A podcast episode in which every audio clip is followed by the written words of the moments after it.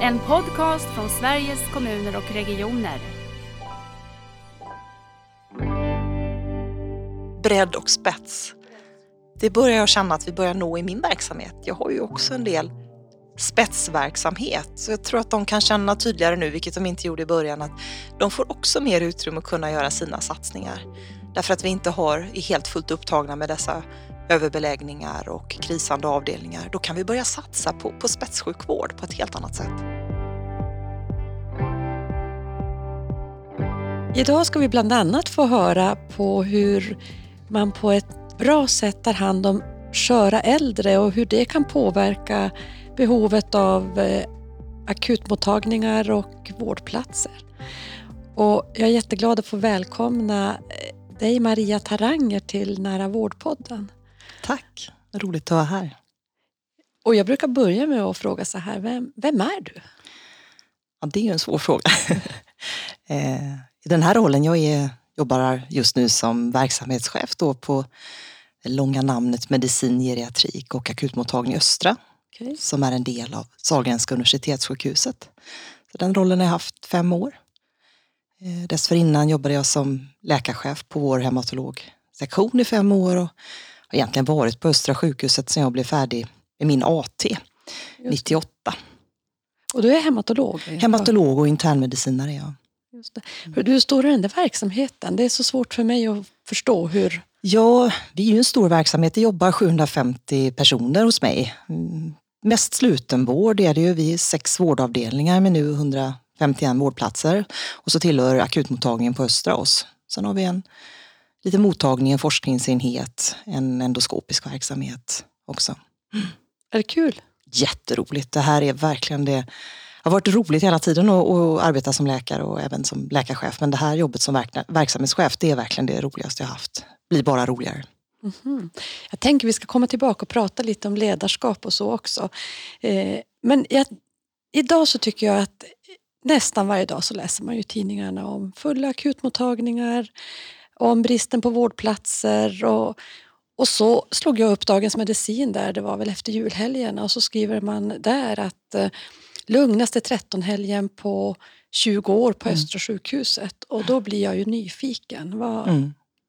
vad hände och berätta om det. Ja, vad hände? Det är ju så att jag har nypt mig själv i armen eh, varenda dag i stort sett nu den här, den här säsongen. Det här, är ju, det här är ju den tuffaste säsongen vi har i akutsjukvården. Ja, det är ju så, det börjar vid 13-helgen efter alla helgerna när, när det har varit få vardagar och det har kommit patienter men det har varit svårare att göra klart utredningar och få patienter att kunna lämna sjukhuset. Och sen så smäller influensan till. Va? Och sen, mm. um, jag har ju som sagt jobbat på Östra sjukhuset sedan 98 så jag är ju van att se detta. Det här är ju tyvärr inget nytt. Det brukar se ut så på, inom akutsjukvården på vintrarna. Faktiskt har, har det varit så länge. Man har tillåtit det få vara så länge att det är okej okay att folk ligger som överbeläggningar i korridorer och på akutmottagningar. Ja, det finns ju svarta rubriker för 10 år sedan, 20 år sedan, 30 år sedan.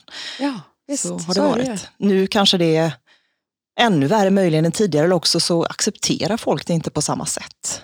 Nej. Men vad, varför var det inte så nu då? Har du ja, eh, jag har ju, vi har ju haft svarta rubriker så sent som för ett par, tre år sedan. Jag har haft Arbetsmiljöverket ett par gånger. Vi har haft rubriker om att min personal har gråtit i korridorerna, vilket har känts mm. hemskt som verksamhetschef när det, varit så. Men eh, senaste ett och ett halvt, två åren så har vi märkt en vändning och det, det är ju fler, många, många saker vi har gjort de senaste åren. Eh, de två stora områdena vi har jobbat med handlar nog om eh, logistik och hur vi arbetar på själva akutmottagningen. Och den andra eh, fokusområdet är ju sköra äldre, hur vi tar hand om dem i vårdkedjan. Just det. Eh, när vi har frågat runt, vi, eh, alla, som, alla regioner fick rapportera in vad man gör för omställning mot nära vård här i höstas till Socialstyrelsen. Och något som kom från väldigt många eh, håll det var att de planerade för att jobba mer mobilt. Mm. Vi kunde inte läsa ut om det bara var mot sköra äldre men de allra flesta tror jag handlar mm. om sköra äldre. Och då blir man nyfiken, vad tänker du om det? Och mm. berätta, för det har ni ju gjort Ja. Det är ju en del av det du ja, säger. Det har varit en, en väldigt viktig pusselbit med eh, de mobila teamen som är en del av förklaringen till varför vi har haft lediga platser i stort sett varje dag nu här i mm. januari. Eh, vi hakade på det här tåget i slutet av 2017 öppnade vi vårt första eh, mobila närsjukvårdsteam och eh, ganska snart märkte vi att det här var vi hittade många patienter vi kände att vi gjorde nytta och fick möjlighet att utöka teamet till två eh, efter ett knappt år och nu här i, i december, januari så har vi egentligen öppnat vårt tredje mobila närsjukvårdsteam. Och vad är ett närsjukvårdsteam? Eh, för oss eh, handlar det om att vi då, eh, läkare och sjuksköterska som normalt jobbar inne på sjukhuset, vi åker hem till patienterna. Vi har också en del telefonkontakt och de patienter som vi tar hand om är dels patienter vi skriver ut från sjukhuset men där vi misstänker att det här kan krångla hjärtsvikten kan komma tillbaka. Det, det, kan bli ett nytt sjukhustillfälle ganska snart. Så mm. de planerar vi ett återbesök till. Eh, sen är det patienter på akutmottagningen som man eh, kanske vågar skicka hem därför att man kan erbjuda att mobila teamet ringer nästa dag, kommer på besök nästa dag och följer upp att det, att det landar bra. Och det, är, alltså det är en sån revolution för både våra primärjourer, för mig som, som bakjour som kan ge den här tryggheten. Då känns det ju tryggt och bra och bara positivt att någon kan få komma hem. För det, det är väl det som, som jag kan eh, tycka är lite svårt i, i, debatten nu, att man lyfter fram vårdplatser som, som något så fantastiskt och liksom den enda lösningen. Och det, för den här gruppen är det många gånger en dyr och dålig lösning.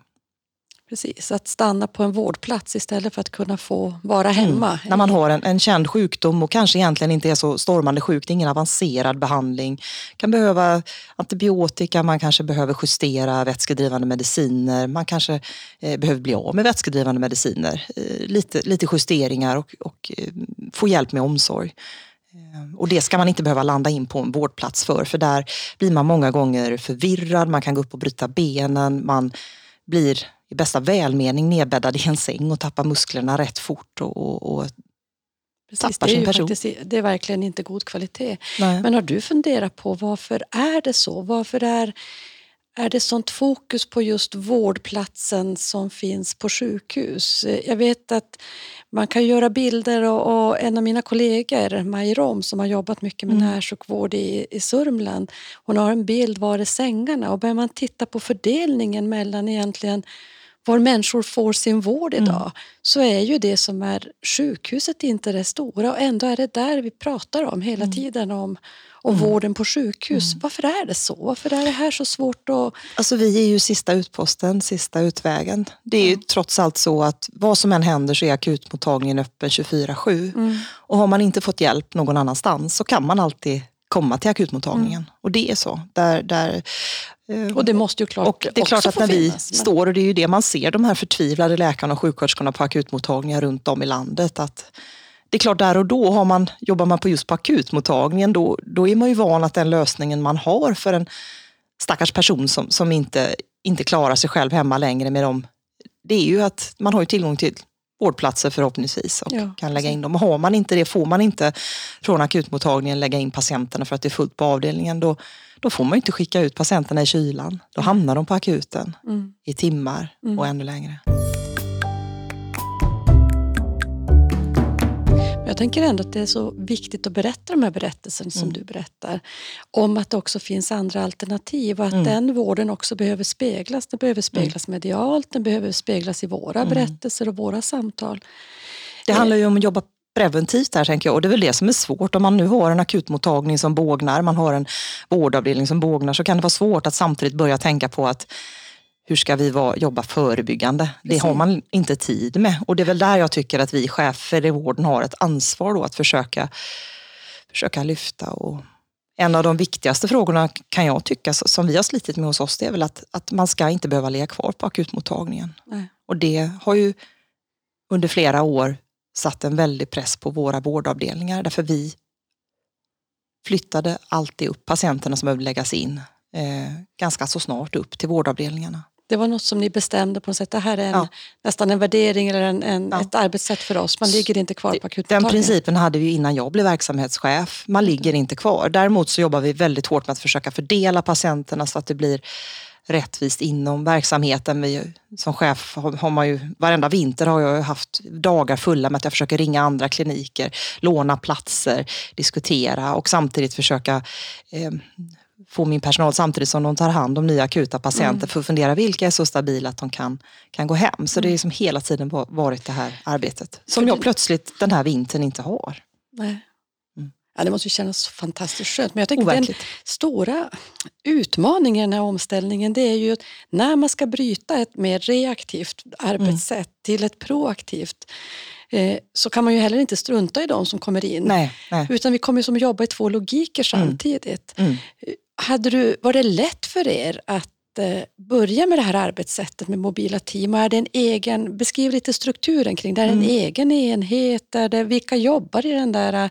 Jobbar man också på vårdavdelning eller hur, funkar det, det? Det som gjorde det lätt och som jag tror är viktigt om man ska förändra det är ju att, att vi fick ett nytillskott. Att de här pengarna behövde inte jag eh, lägga ner någonting annat i min verksamhet utan jag fick möjlighet att öppna ett team.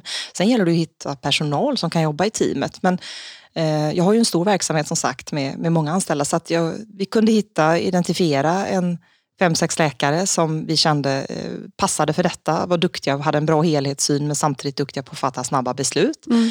Eh, och vi hittade sjuksköterskor som passade där också. Sen var vi noga med hos oss att i vårt mobila team så jobbar ingen heltid.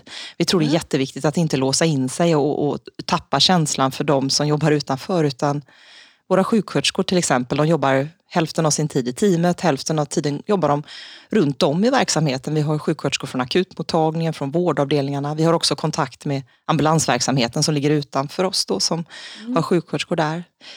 Och läkarna de jobbar, eh, kanske 20, de läkare som jobbar där kanske jobbar 20 procent av sin tid i teamet, övrig tid på andra vårdavdelningar. Så att de kommer från olika ställen i verksamheten och samlas i teamet då. Har de en särskild chef? Är det någon som ansvarar, är chef för det här teamet eller eh, man har sin chef på den, de andra verksamheterna? Ja, man har sin huvudchef på den andra verksamheten men vi har en sjuksköterska som är sektionsledare för teamet som ansvarar för, för schemaläggning och har den, den kontakten. Eh, och vi har också en, vår läkarchef, sektionschef på strokeavdelningen är har ett särskilt ansvar för läkarna i det här teamet. Så att vi behöver någon slags ledarskap och, och någon som tar ett helhetsansvar där. Jag har lärt mig förstå det så, du får säga om jag har rätt, men att ett närsjukvårdsteam utgår egentligen från sjukhuset. Mm. Sen kan man prata om hemsjukvårdsteam och de har mer en primärvårds mm. mm. eller en hälsocentral, mm. vårdcentralsbas. Mm. Är det så? Ser ja, också? men så är det. Eh, hur tänker du på primärvårdens roll? För nu i den här omställningen till nära vård så är det väldigt mycket att också bygga vårdnivån primärvård. Mm. Och då är det också den kommunala verksamheten. Hur har ni resonerat där och vad ser du där? Innan vi mm, startade vårt mobila team så, så höll vi ju med, som många i primärvården säger, att det här är inte någonting sjukhuset ska sköta. Detta görs bäst i primärvården. Detta görs bäst av de läkare som känner sina patienter bäst som också ska få möjlighet att åka hem till dem. Mm. Och den visionen håller jag med om. Men jag har insett att verkligheten ser inte ut så. Inte i Göteborg, inte i Storgöteborg. Jag tror det kommer ta 20-30 år innan vi når dit. Och under tiden strömmar de här gamla patienterna in till sjukhusets akutmottagningar. Och vi måste göra någonting här och nu.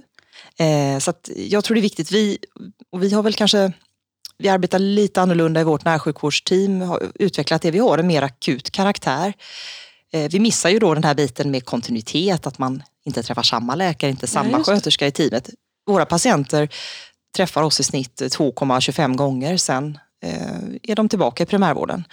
Men det följer ju den här idén som, som vi hör från primärvården att, att sjukhuset lånar våra patienter, det är hos oss de ska vara. Och det, ja, ja. Jag tycker vi bygger på det. Vi, vi är en brygga, men mm. vi är ett mellanting eh, för att försöka förhindra att man ska behöva komma in till sjukhuset. Just det. Så att Egentligen jag känner att, ger ni er vård, men ni ger den på en annan plats. Ja, våran vård, alltså, eller våran, ja. Egentligen kan man säga att de åtgärder vi gör, eller det vi gör, det finns ju ingenting i vår kompetens som, som gör att vi har bättre egentligen kompetens att göra detta än eh, våra eh, specialistkollegor i primärvården. Nej. De skulle säkert göra det bättre, mm. men eh, vi finns där när inte logistiken fungerar, när inte vården är utbyggd som den är.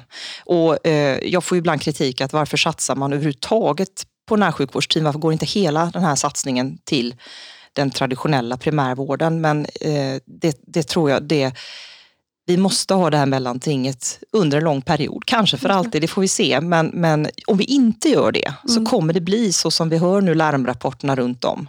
Och då kommer man, oavsett vad man vill eller inte, tvingas öppna många nya vårdplatser. Om man lyckas, om man inte har personal. Mm. Man kommer försöka det och det kommer bli jättedyrt och det kommer stoppa alla satsningar på den traditionella primärvården. Ja, så att jag ser, vi är för, det, det, jag tycker det är synd ibland när det blir motsättningar, för det, det, det är ju en ganska hård debatt ibland mellan ja. eh, och, och, jag tycker det är synd, för att det här är en förhållandevis billig satsning eh, som sjukhusen sjukhusen måste få. För vi har väldigt svårt att hitta de här nya pengarna till de mobila närsjukvårdsteamen.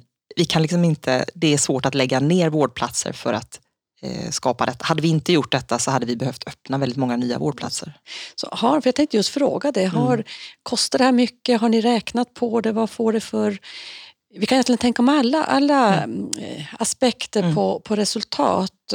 Om vi börjar med det ekonomiska, sen mm. är det också intressant vad säger patienterna och mm. vad säger medarbetarna. Men eh, just ekonomiska, har ni mm. kunnat räkna på det? Ja, vi försöker ju räkna på det. Ehm, det. Kritiken ibland har ju också varit att, att man kanske inte har jämfört med en har en studie där man jämför med en kontrollgrupp eh, tydligt, utan man, man räknar ju på man förutsätter att om patienten inte hade fått hjälp av de här teamen så hade man fortsatt söka och de beräkningarna finns ju. Det, eh, där ser man ju en stor besparing. Men det, det jag väldigt, känner mig väldigt trygg i att vi gör ju en hel del akuta besök nu, riktigt akuta. Okay. Sen ett knappt år tillbaka jobbar vi med ambulansen ja. och eh, vi uppmanar dem att eh, dagtid, kontorstid när vi öppnar så skall de alltid ringa oss när de står i begrepp att ta med sig en gammal skör person från ett äldreboende, från ett särskilt boende eller korttidsenhet. Vi tänker att där finns det redan mycket omsorg, de är kända ja. och om vi kan komma ut dit så troligen är det ganska få tillstånd där man därifrån behöver komma in till sjukhuset. Så att vi försöker uppmana dem att ringa och det visar sig ju då när de ringer att vi såg det 2019, 80 procent av gångerna så kan den gamla personen vara kvar och de mm. står ju precis i begrepp att lassas på ambulansen. Oj. Så att räknar jag med att de eh, patienterna, 190 någonting var det för oss förra året, hade kommit in så mm. vet vi att de har en vårdtid på åtta dygn. Mm. Räknar jag baklänges där så, så får jag ett platsantal som gör att jag själv sparar ungefär fem vårdplatser per dag. Bara på de här akuta utryckningarna. I sin tur vet jag att de akuta utryckningarna det är ungefär 20 procent av verksamheten i våra mobila team. Jag skulle tro att vi sparar nästan lika mycket på de andra.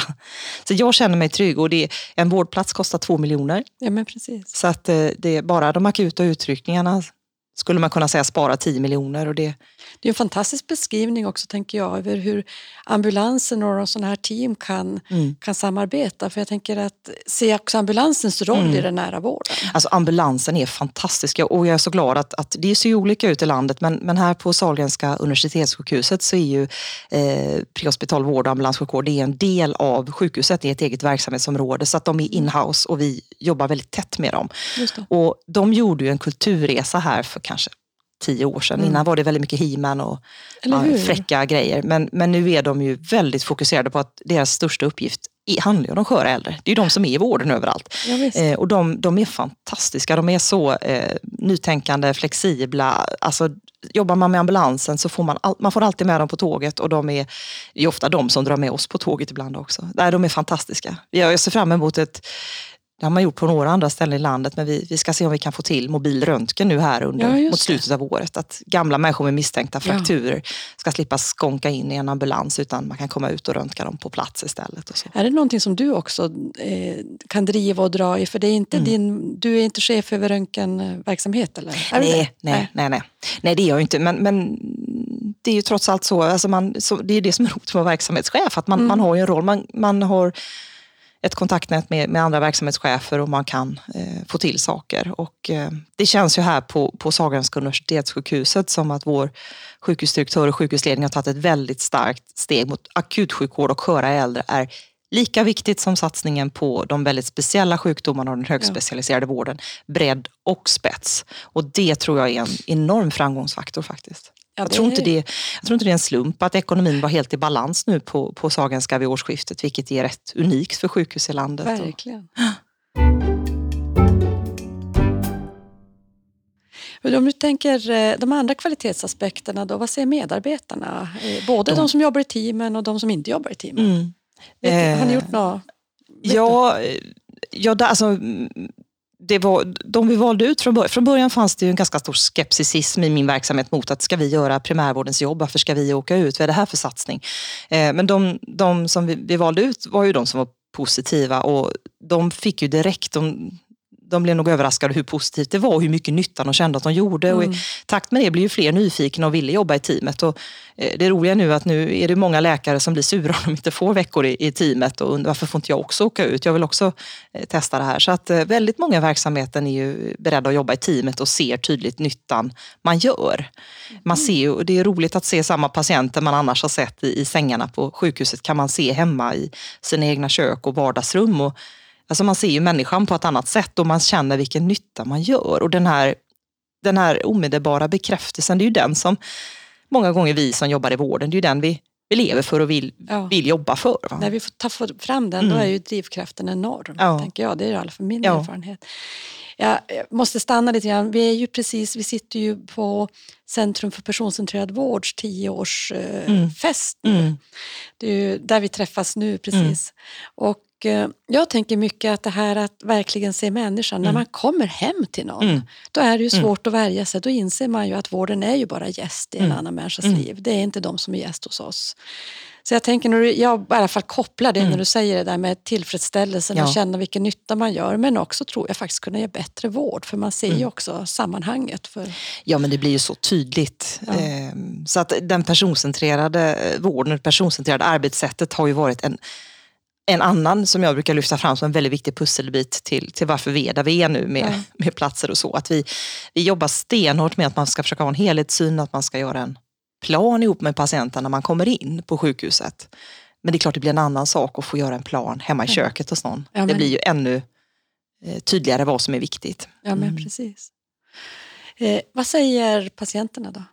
De är oerhört nöjda. Där, kör vi ut enkäter till alla och det, nej men det är ju lovord. De är, de är, jag tror inte det är sant, många, att, att man kan få den här hjälpen hemma och slippa åka in. Det, de flesta vill ju inte komma in på sjukhus. Ibland har vi en föreställning om att det, det mest fantastiska som finns det är att bli nedbäddad i en säng på sjukhus. Men det, det är ju tyvärr en nödlösning för många. Eh, så att, eh, kan man få, men det är klart att man vill ha hjälp.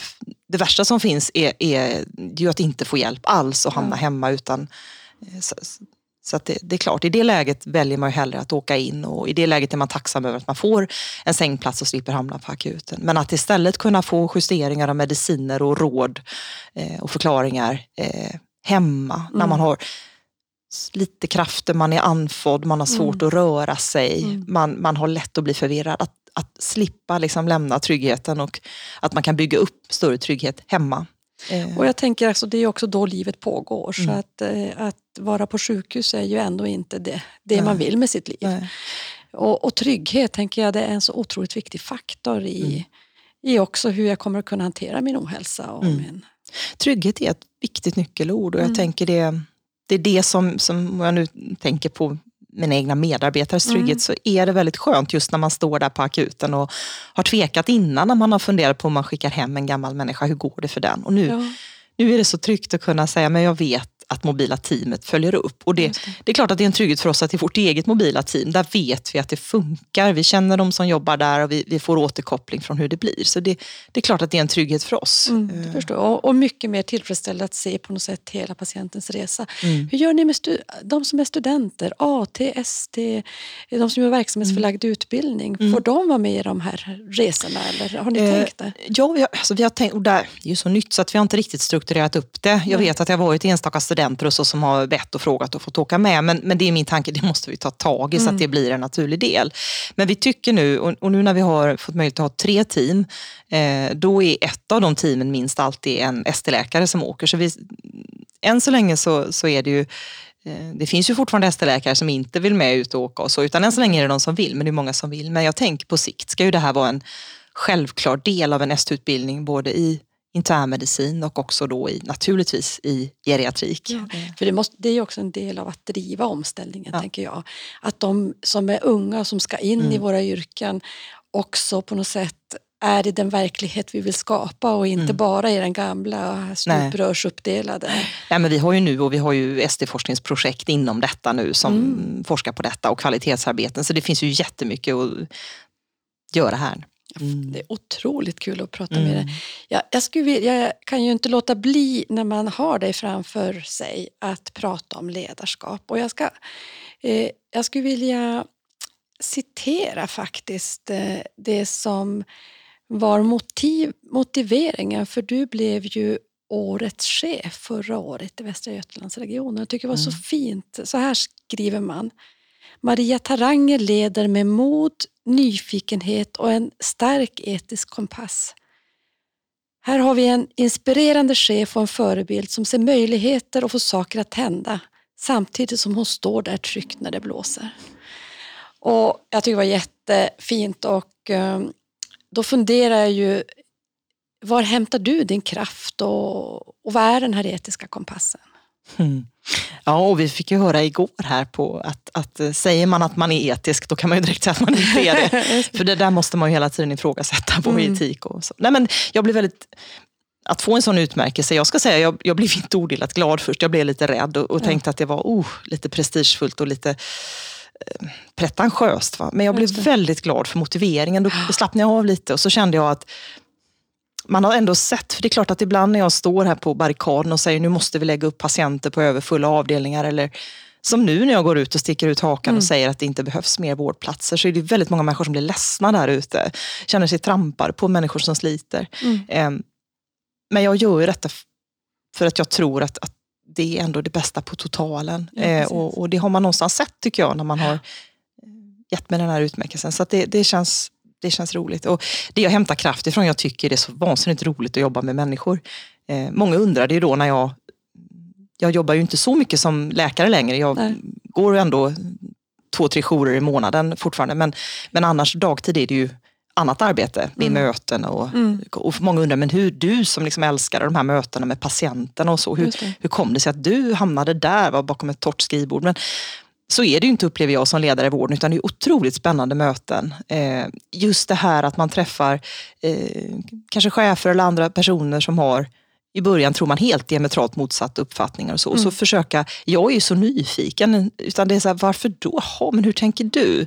Och det är det jag tycker är det spännande att trixa ut. Att vad är det, finns det egentligen så att vi vill samma sak men vi ser Precis. det från olika håll? Och, egentligen tror jag, när man vill olika saker i, i vården, all, alla är ju egentligen så himla angelägna om att göra gott. Ja. Eh, det, det, är ändå min övertygelse. De allra flesta vill göra gott. Absolut. Och så krockar man för man har olika syn på hur det blir. Och enda anledningen till att man inte är överens är att man inte har rätt ut begreppen. Liksom. Att, att de har inte förstått min syn och jag har inte förstått deras Nej. syn. Och det enda sättet att, att nå den är att prata, träffas och prata. Precis. Det är väldigt roligt. Den tar det tid och det är väl det jag tänker i en storstad och, och mm.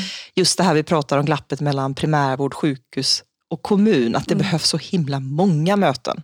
Ja, det, är det. Eh, det, det. Det tar tid att bygga upp förtroendet. Har man väl fått ett förtroende då behöver man kanske inte ha så himla mycket möten längre. Då litar Nej. man på att jo, jo, men det är Maria Taranger där som säger det. Men då, då, hon brukar ju vara vettig och, och ha en schysst och inställning. Skulle det strula så, ja. så ringer vi henne. Alltså ja. man har men, in, men innan man känner det, mm. då litar man ju inte riktigt Nej.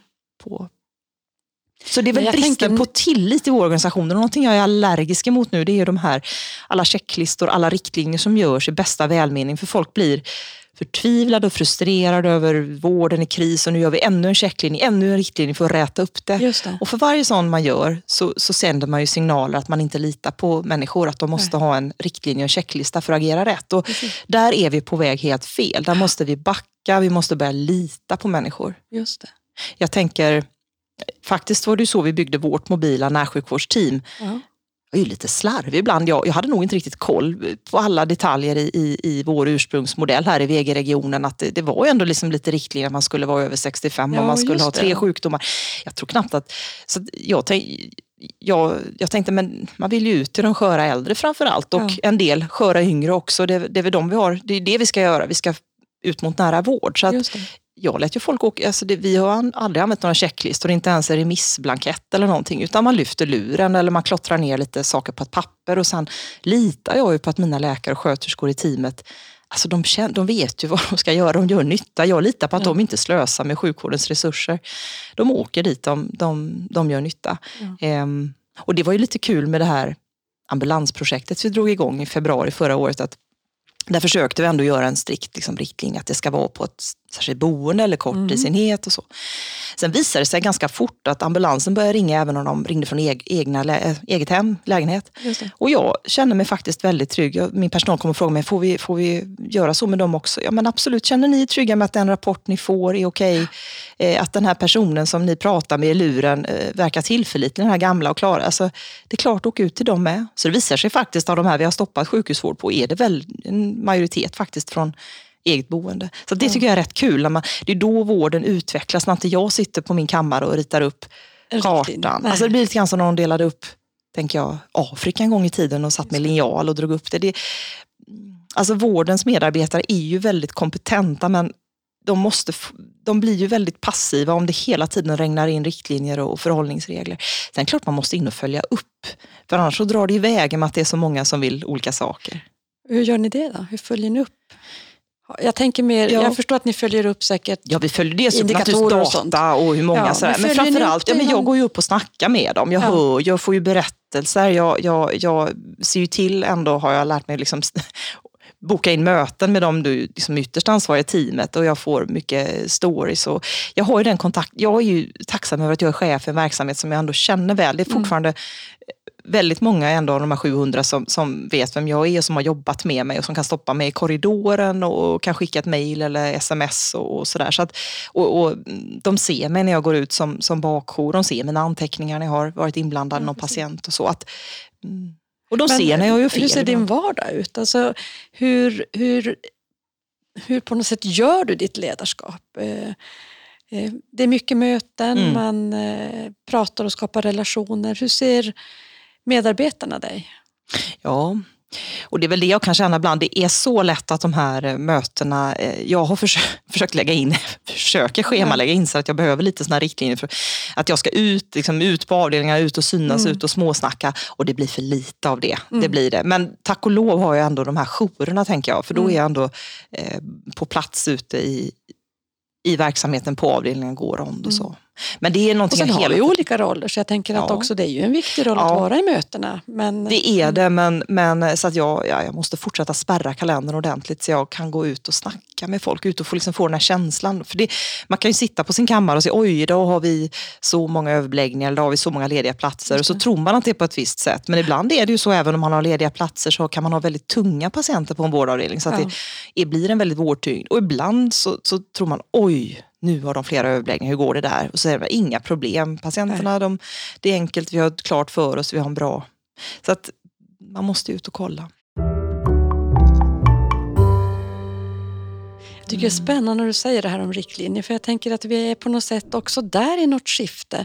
Att tro att svaret är, är ett dokument till mm. eller att svaret mm. handlar mycket mer om relationen och, mm. och tilliten. Mm. Eh, och det tror jag också är jag tror att det här kommer, jag är övertygad om att det här sättet att tänka det är mer hållbart. Det mm. tar fram drivkrafter hos mm. människor. Det får människor att, att få använda hela till sin mm. potential, också det som är den etiska kompassen mm. eller drivkraften eller mm. nyfikenheten. Men jag tror också i den här omställningen att vi kommer att få brottas med eh, frustrationen av att inte riktigt, men hur ser riktlinjen ut och hur ser skissen mm. ut? Hur ser framtiden för den nära vården? Berätta hur det är. När när vi mm. egentligen mm. vill ta fram den genom att göra, genom att mm. lita på varandra. Eh, och så. Tänker du också så? Eller? Ja, så tänker jag. Jag tänker att vi måste liksom få, få pröva och eh, det är klart att vi ska försöka se till att beforska det som går. Absolut. Och, men eh, eh, vi får inte... Det är för mycket rädsla och ängslighet runt om. Mm. Eh, vi, vi, och, och, men, men det blir ju väldigt mycket lätt och det, så blir det träffa, man, träffa chefer varandra och ska göra upp hur man gör. Då, då får man ju börja liksom diskutera och göra överenskommelser med riktlinjer. Därför jag tror det är så viktigt att försöka få till mötena med, med de som jobbar allra närmast patienterna. Att de börjar prata med varandra. Sen kan de återkomma till oss chefer. Ja, men vi har sett liksom ett problemställning som är så här. Ska vi inte ja. skapa riktlinjer för det? Ja, för det alltså, riktlinjer behövs ju men de, de ska ju egentligen tas fram eh, av de som jobbar jobbar med dem. De ska vara ett stöd för de som kommer helt nya och inte riktigt har den här eh, kartan i huvudet. Eh. Ja, det vi inte var inne på det var egentligen ert samarbete med kommunerna. Precis. Hur ser det ut och hur, på tal om möten Mm. och, och, och Mm. relationer? Mm. Eh, jag tänker det började väl för länge sedan med att, med att just vi, det är ju många år sedan när vi, när vi såg till att vi hade speciella vårdplaneringssjuksköterskor för att lite grann ändå ha samma eh, personer som träffade dem som kom från kommunen och skulle eh, vårdplanera. Och där börjar man ju skapa relationer, man börjar skapa den här tilliten när, när eh, till exempel Eva-Karin Elkär som är en av våra eh, mest erfarna vårdplaneringssjuksköterskor, när hon säger så, ja, men då, är, då, då litar man på varandra. Eh, och, och då lärde vi känna folk eh, i kommunen. Sen, jag menar för flera år sedan så, så började vi ju då eh, träffa mer strukturerat på, på chefsnivå. När vi hade det här tjafset med, med överbeläggningar och väldigt Mm. många utskrivningsklara patienter. Att vi försökte eh, bjuda in till möten, sätta oss ner och dricka kaffe liksom, med dem. Eh, Vad, varför är det så här och hur ser det ut?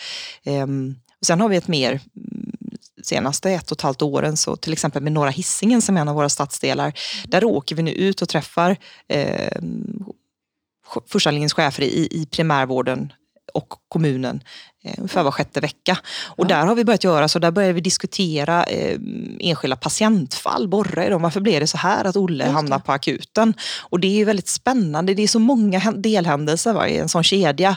Eh, kanske inte någon som gör ett jättefel någonstans, men det är massa småbrister. Och där, Mm. där kan vi ju bli överens om en bild och hur det gick för Olle då. Ehm, Så jag tror man måste in där och nysta. Och sen kan vi när vi har suttit och gått igenom några sådana fall så inser vi, nej, vänta nu, vi får nog ändra vår policy Ja, här. det. så här ska vi göra Precis. i fortsättningen. Eh, Men hittar då blir det också det här underifrån Mm. och det blir på något sätt från människorna Mm. kanske det blir en Mm. riktlinje eller Ja, ett nytt ja, sätt att jobba, en visst. arbetssätt, en rutin Precis. eller så. Mm. Eh, Så är det. Och nu, Partilles kommunala eh, företrädare har vi träffat länge. Nu ska vi plussa på så att vi även träffar primärvården i, i Partille eh, som också är en av våra samarbetskommuner. Men jag menar, vi har ju fyra till så att säga som vi jobbar med vårt upptagningsår på Östra sjukhuset och det är klart att de har vi inte det täta samarbetet med. Det skulle vi också behöva och jag tänker att man kan inte göra allt på en gång utan vi får liksom ta ett område i taget och så får vi och sen så får vi nog när vi har jobbat kanske närmare med Norra Hisingen ytterligare något år så tror vi att tilliten är så stor, vi känner varandra, vi har riktlinjer. Då får man släppa dem lite så får man ha täta möten med någon annan då. Just det. Eh, För det är så pass många vi... Mm. Jag tänker ändå att det du, jag tycker du säger under hela det här samtalet det är ju att våga börja göra. Ja, För att allt kommer inte kunna göras eh, exakt på samma sätt eller över hela bredden eller exakt rätt och så justera. Eh, och det tror jag mycket på också när Mm. vi ska göra den här omställningen. Vi kommer inte vänta på det absolut rätta sättet. Börja göra och vara lite experimentell och lita på människor. Ja, och jobba utanför gränserna. Gör lite Ja. mer än vad som absolut är, är riktigt för din organisation. Sen att vi ska vara rädda om resurserna, men, men jag är ju så övertygad just med den här Mm. gruppen att även om, om eh, våra läkare och sköterskor gör mer än vad som står i protokollet så kommer de spara in, det- alltså dels är det rätt för människan Ja. och för samhället totalt. Då må det till och med vara hänt att våra kostnader ökar men, men dessutom är jag helt övertygad om att våra kostnader minskar när vi gör så. Och det ser jag ju själv i min verksamhet. Så. Ehm, men, men att börja ändra det själv. Det är så mycket, ja, men om de bara gjorde det, om Ja, sjukhuset precis. bara öppnar fler vårdplatser, om primärvården bara gjorde så och kommunen gjorde så. Den, jag är trött på det, att man hela tiden lägger lösningarna utanför sig själv. Ja. Eh, det finns naturligtvis mycket tankar jag tänker vad andra borde göra, men det finns ju väldigt mycket vi själva inte gör okej. Först, va, börja med det. Ja, Börja titta på det.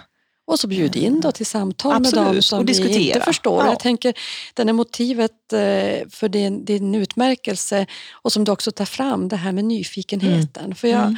jag brukar eh, ibland tänka på någon klok som har sagt att det är svårt att lära för den som redan vet. Och det är Ja. klart, har vi svaren hela tiden utan var Mm. nyfiken på Mm. de andras perspektiv, vi kanske inte skiljer oss så mycket åt. Nej. Nej, jag brukar gå ut och säga att alltså, fråga, fråga, fråga, men alltså, ifrågasätt inte på ett väldigt tråkigt sätt. Nej. Eh, det handlar ju inom eh, sjukhuset också konflikter mellan olika personalkategorier. Att man går och är förbannad på, på någon annan Mm. personalgrupp. Va? Läkarna typiskt, de Ja, håller precis. på och överutreder in i döden. Ja. Ja, men fråga då, men frå, brukar jag säga då när jag pratar med sjuksköterske och undersköterskegruppen.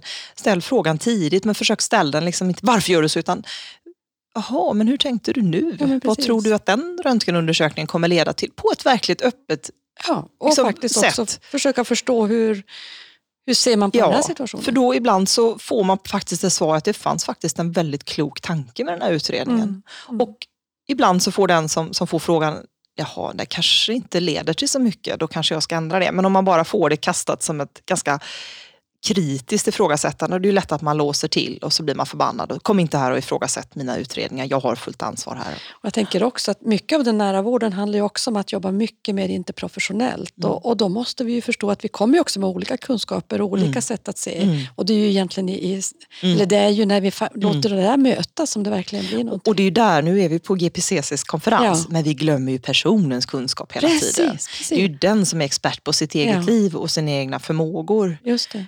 Eh, och det, det måste vi ju få fram. Det var eh, roligt för jag tänkte precis fråga dig vad är personcentrering ja. för dig? För jag tänker när du säger att det är också en viktig pusselbit i era mm. framgångar. Mm. Jag tycker du svarade nästan, men vill du säga mer? Personcentrering, det, det, alltså sjukvården har ju bara en enda uppgift, ser jag egentligen. Vi ska skapa livskvalitet för personerna mm. utanför sjukvården. Vår uppgift är ju inte att ta in dem och liksom lägga dem på museum och putsa på och grejer. Utan, utan vi är ju till för att göra oss själva onödiga. Och det kommer vi inte alltid kunna göra. Vi har kroniskt sjuka som behöver vårt stöd ständigt. Men målet måste ju vara att så lite stöd som möjligt, men naturligtvis allt stöd som är nödvändigt. Och att lista ut det, det kan vi inte göra själva. Men självklart kan patienterna inte heller göra det själva. Mm. Det är det som är ett missförstånd ibland med den personcentrerade vården, att det är någon slags eh, beställningsarbete, ja, att, att, patienten ska beställa vilken hjälp de vill ha. Nej, för det har de inte kompetens till. De har inte vårdkompetens. Men vi har inte kompetens om vad den personen egentligen, vart den vill nå. Mm. Och det är det, där kan man hitta mycket resurslöseri. Ja, alltså, för mig, jag brukar ibland rita upp två cirklar som liksom överlappar varandra när jag mm. beskriver personcentrerad vård. Ja. Ehm, jag tänker vården ser en patient, ser en massa behov och saker som vården känner det här hade varit bra att göra mm. för den här människan. Och vården kommer till oss med en massa tankar och önskningar som den tror att det här kan vården hjälpa mig med. Mm. De där cirklarna överlappar ju bara, de täcker ju inte varandra helt utan de har ett överlapp och det är liksom bara det överlappet vi ska jobba i. Det är personcentrerad vård. Vi ska, det vill säga, vi ska inte göra det som personen inte är intresserad av eller inte kan ta till sig. Och då måste vi veta mer om personen. Annars så kanske vi tror att den har mer nytta av saker och Precis. ting. Och personen måste oerhört tidigt få klart för sig att det där kommer inte vården kunna lösa. Mm. Istället för att ligga och tro då en hel vecka på en avdelning att vården ska hjälpa mig med min onda rygg som jag haft i 50 år. Mm. Och bli besviken då. Annars är det där eh, utskrivningssamtalet som man har varit med om ett par gånger när man själv är jättelycklig över att man gjort sån himla fin anemiutredning och mm. sådär. Och personen kom till mig för att han hade ont i ryggen och det är kvar. Och så har man inte rätt ut det där från början. Vad... Och sen just i den där cirkeln, vad man gör själv också, att, att visa och hjälpa människor att hitta sin drivkraft mm. och förmåga mm. eller vara intresserad mm. av den. För ja, men, ta en sån sak som, som en vanlig patientgrupp hos mig, patienter med KOL, mm. eh, som kommer med annöd. Och så många gånger har jag varit med på Ronnus och frågat hur går det med, med liksom Britta, har hon fortfarande annöd? Nej, hon poxar 93 procent. Ja, fast det var inte ja. det jag frågade, har hon annöd? Eh, Ja, de har inte tänkt på det, utan man går och behandlar POX-apparaten. Nu är POXen bättre. Ja, ja men skitsamma. Eh, det, det kan vara ett hjälpmedel. Om någon har annöd så självklart ska man ta fram tycker jag då som sjukhusläkare, en POX-apparat ja. och kolla vad syresättningen är. Och det kan vara en pusselbit och man kan pröva med syrgas. Men då måste man ju fråga, blev det bättre med annöden? För det är liksom annöden som är som slutmålet, är... inte vad POX-apparaten visar. Men Absolut. det är lätt att...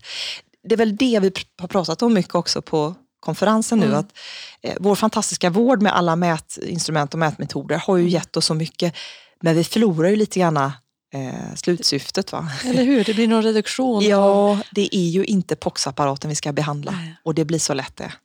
Det var en otroligt eh, fin beskrivning av personcentrering. Mm. Om du får drömma nu framåt, eh, önska dig eller om du har något mål, eller vad, vad ser du framåt? Vad, ska du, vad drömmer du om?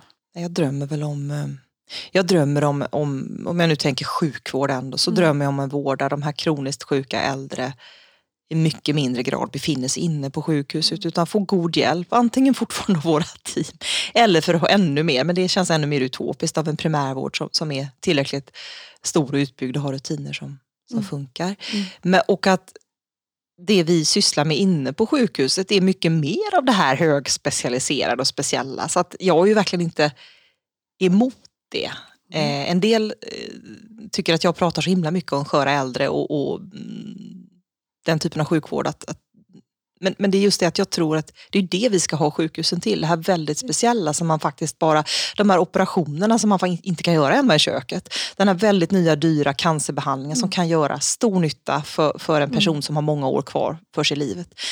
Men då måste vi sluta göra sånt som är helt meningslöst. Och det gör vi tyvärr väldigt mycket ja. i vården. Och eh, det värsta är att vi gör även sånt som är skadligt, som förkortar människors ja. liv. Och det har jag ju eh, ja, som hematolog som har sysslat mycket med människor med, med eh, svåra cancersjukdomar. Jag vet också hur, jag vet hur välgörande och hur många eh, år, hur mycket livskvalitet man kan köpa för nya dyra medel. Men jag mm. vet också hur, hur det ibland slösas på människor som som inte har någon chans att bli bättre med de medlen. Men, och där man missunnar dem en, en god palliativ vård istället som mm. hade varit, gett dem mycket bättre livskvalitet den lilla tid de har kvar. Eh, och som samtidigt hade varit mycket billigare. Och något jag tänker på, det har varit uppe på konferensen, man pratar ibland lite föraktfullt, ja ekonomi det är det enda. Ja det får man väl prata för det är det politikerna förstår. Men jag tycker det är ett vårdslöst sätt att prata, det är våra gemensamma mm. resurser vi pratar om. Mm. Och eh, det är liksom inte pengar som bara ligger i en burk utan om vi tar pengar till någonting då kommer vi ta pengar från någonting okay. annat. Det är hela tiden ett aktivt val. Och du ska inte tro om du... Det är många i vården som kanske känner sig lite för fina för att prata om det. är lite fult att prata om att det är som ekonomiskt. Men jag tycker det är oetiskt. Alltså, måste försöka fundera på var resurserna går. Och förresten är inte pengar i samhället bara vård. Det, det kan jag känna nu. Mm. Skolan. Alltså vår, mm. hela vår framtid. Vi kan inte i vården hålla på och, och bara ta alla nya resurser. Vi, pengarna behövs runt om i samhället. För det jag tycker att du säger det är ju egentligen att att ett sätt att ta hand om de som är sköra äldre, mm. de som är kroniskt sjuka på ett annat sätt, mm. det värnar ju också det andra. Ja, det gör ju det. Bredd och spets. Bredd och spets, ja. Precis. Och det, ja. det börjar jag känna att vi börjar nå i min verksamhet. Jag har ju också en del Spets. spetsverksamhet. Ja, jag. Så jag tror att de kan känna tydligare nu, vilket de inte gjorde i början, att de får också mer utrymme att kunna göra sina satsningar. Mm. Därför att vi inte har, är helt fullt upptagna med dessa överbeläggningar och krisande avdelningar. Då kan ja. vi börja satsa på, på spetssjukvård på ett helt annat sätt. Just det. Eh, är det någonting du tycker att vi ska ha pratat om som vi inte har pratat om? Ah, det finns alltid det mycket finns att prata mycket. om. Jag skulle kunna sitta här hur länge som eh, helst. Men det här är de, för mig är det, alltså vårdens resurser, det, det är en etisk fråga för mig. Att vi, ja. vi, kan inte ducka och tycka att vi är för fina för att prata om vart pengarna går till. Det, Eh, det är alltid någon som blir utan om man inte väljer. Ja, men precis. Eh, vi brukar sluta de här samtalen med en fråga om närhet, så det vill jag göra till dig också. Mm. Vad är närhet för dig? Närhet är nog att uh, vara med personer som, som känner mig, som, som känner väldigt mycket om mig. Mm. Eh, för mig och eh, närhet i vården handlar väl om det också, att man, man får eh, en vård som är, är väldigt så nära den, den man behöver eh, som möjligt, som är så skräddarsydd den ändå kan bli. Mm. Tack Maria för ett jättespännande samtal. Tack. Tack.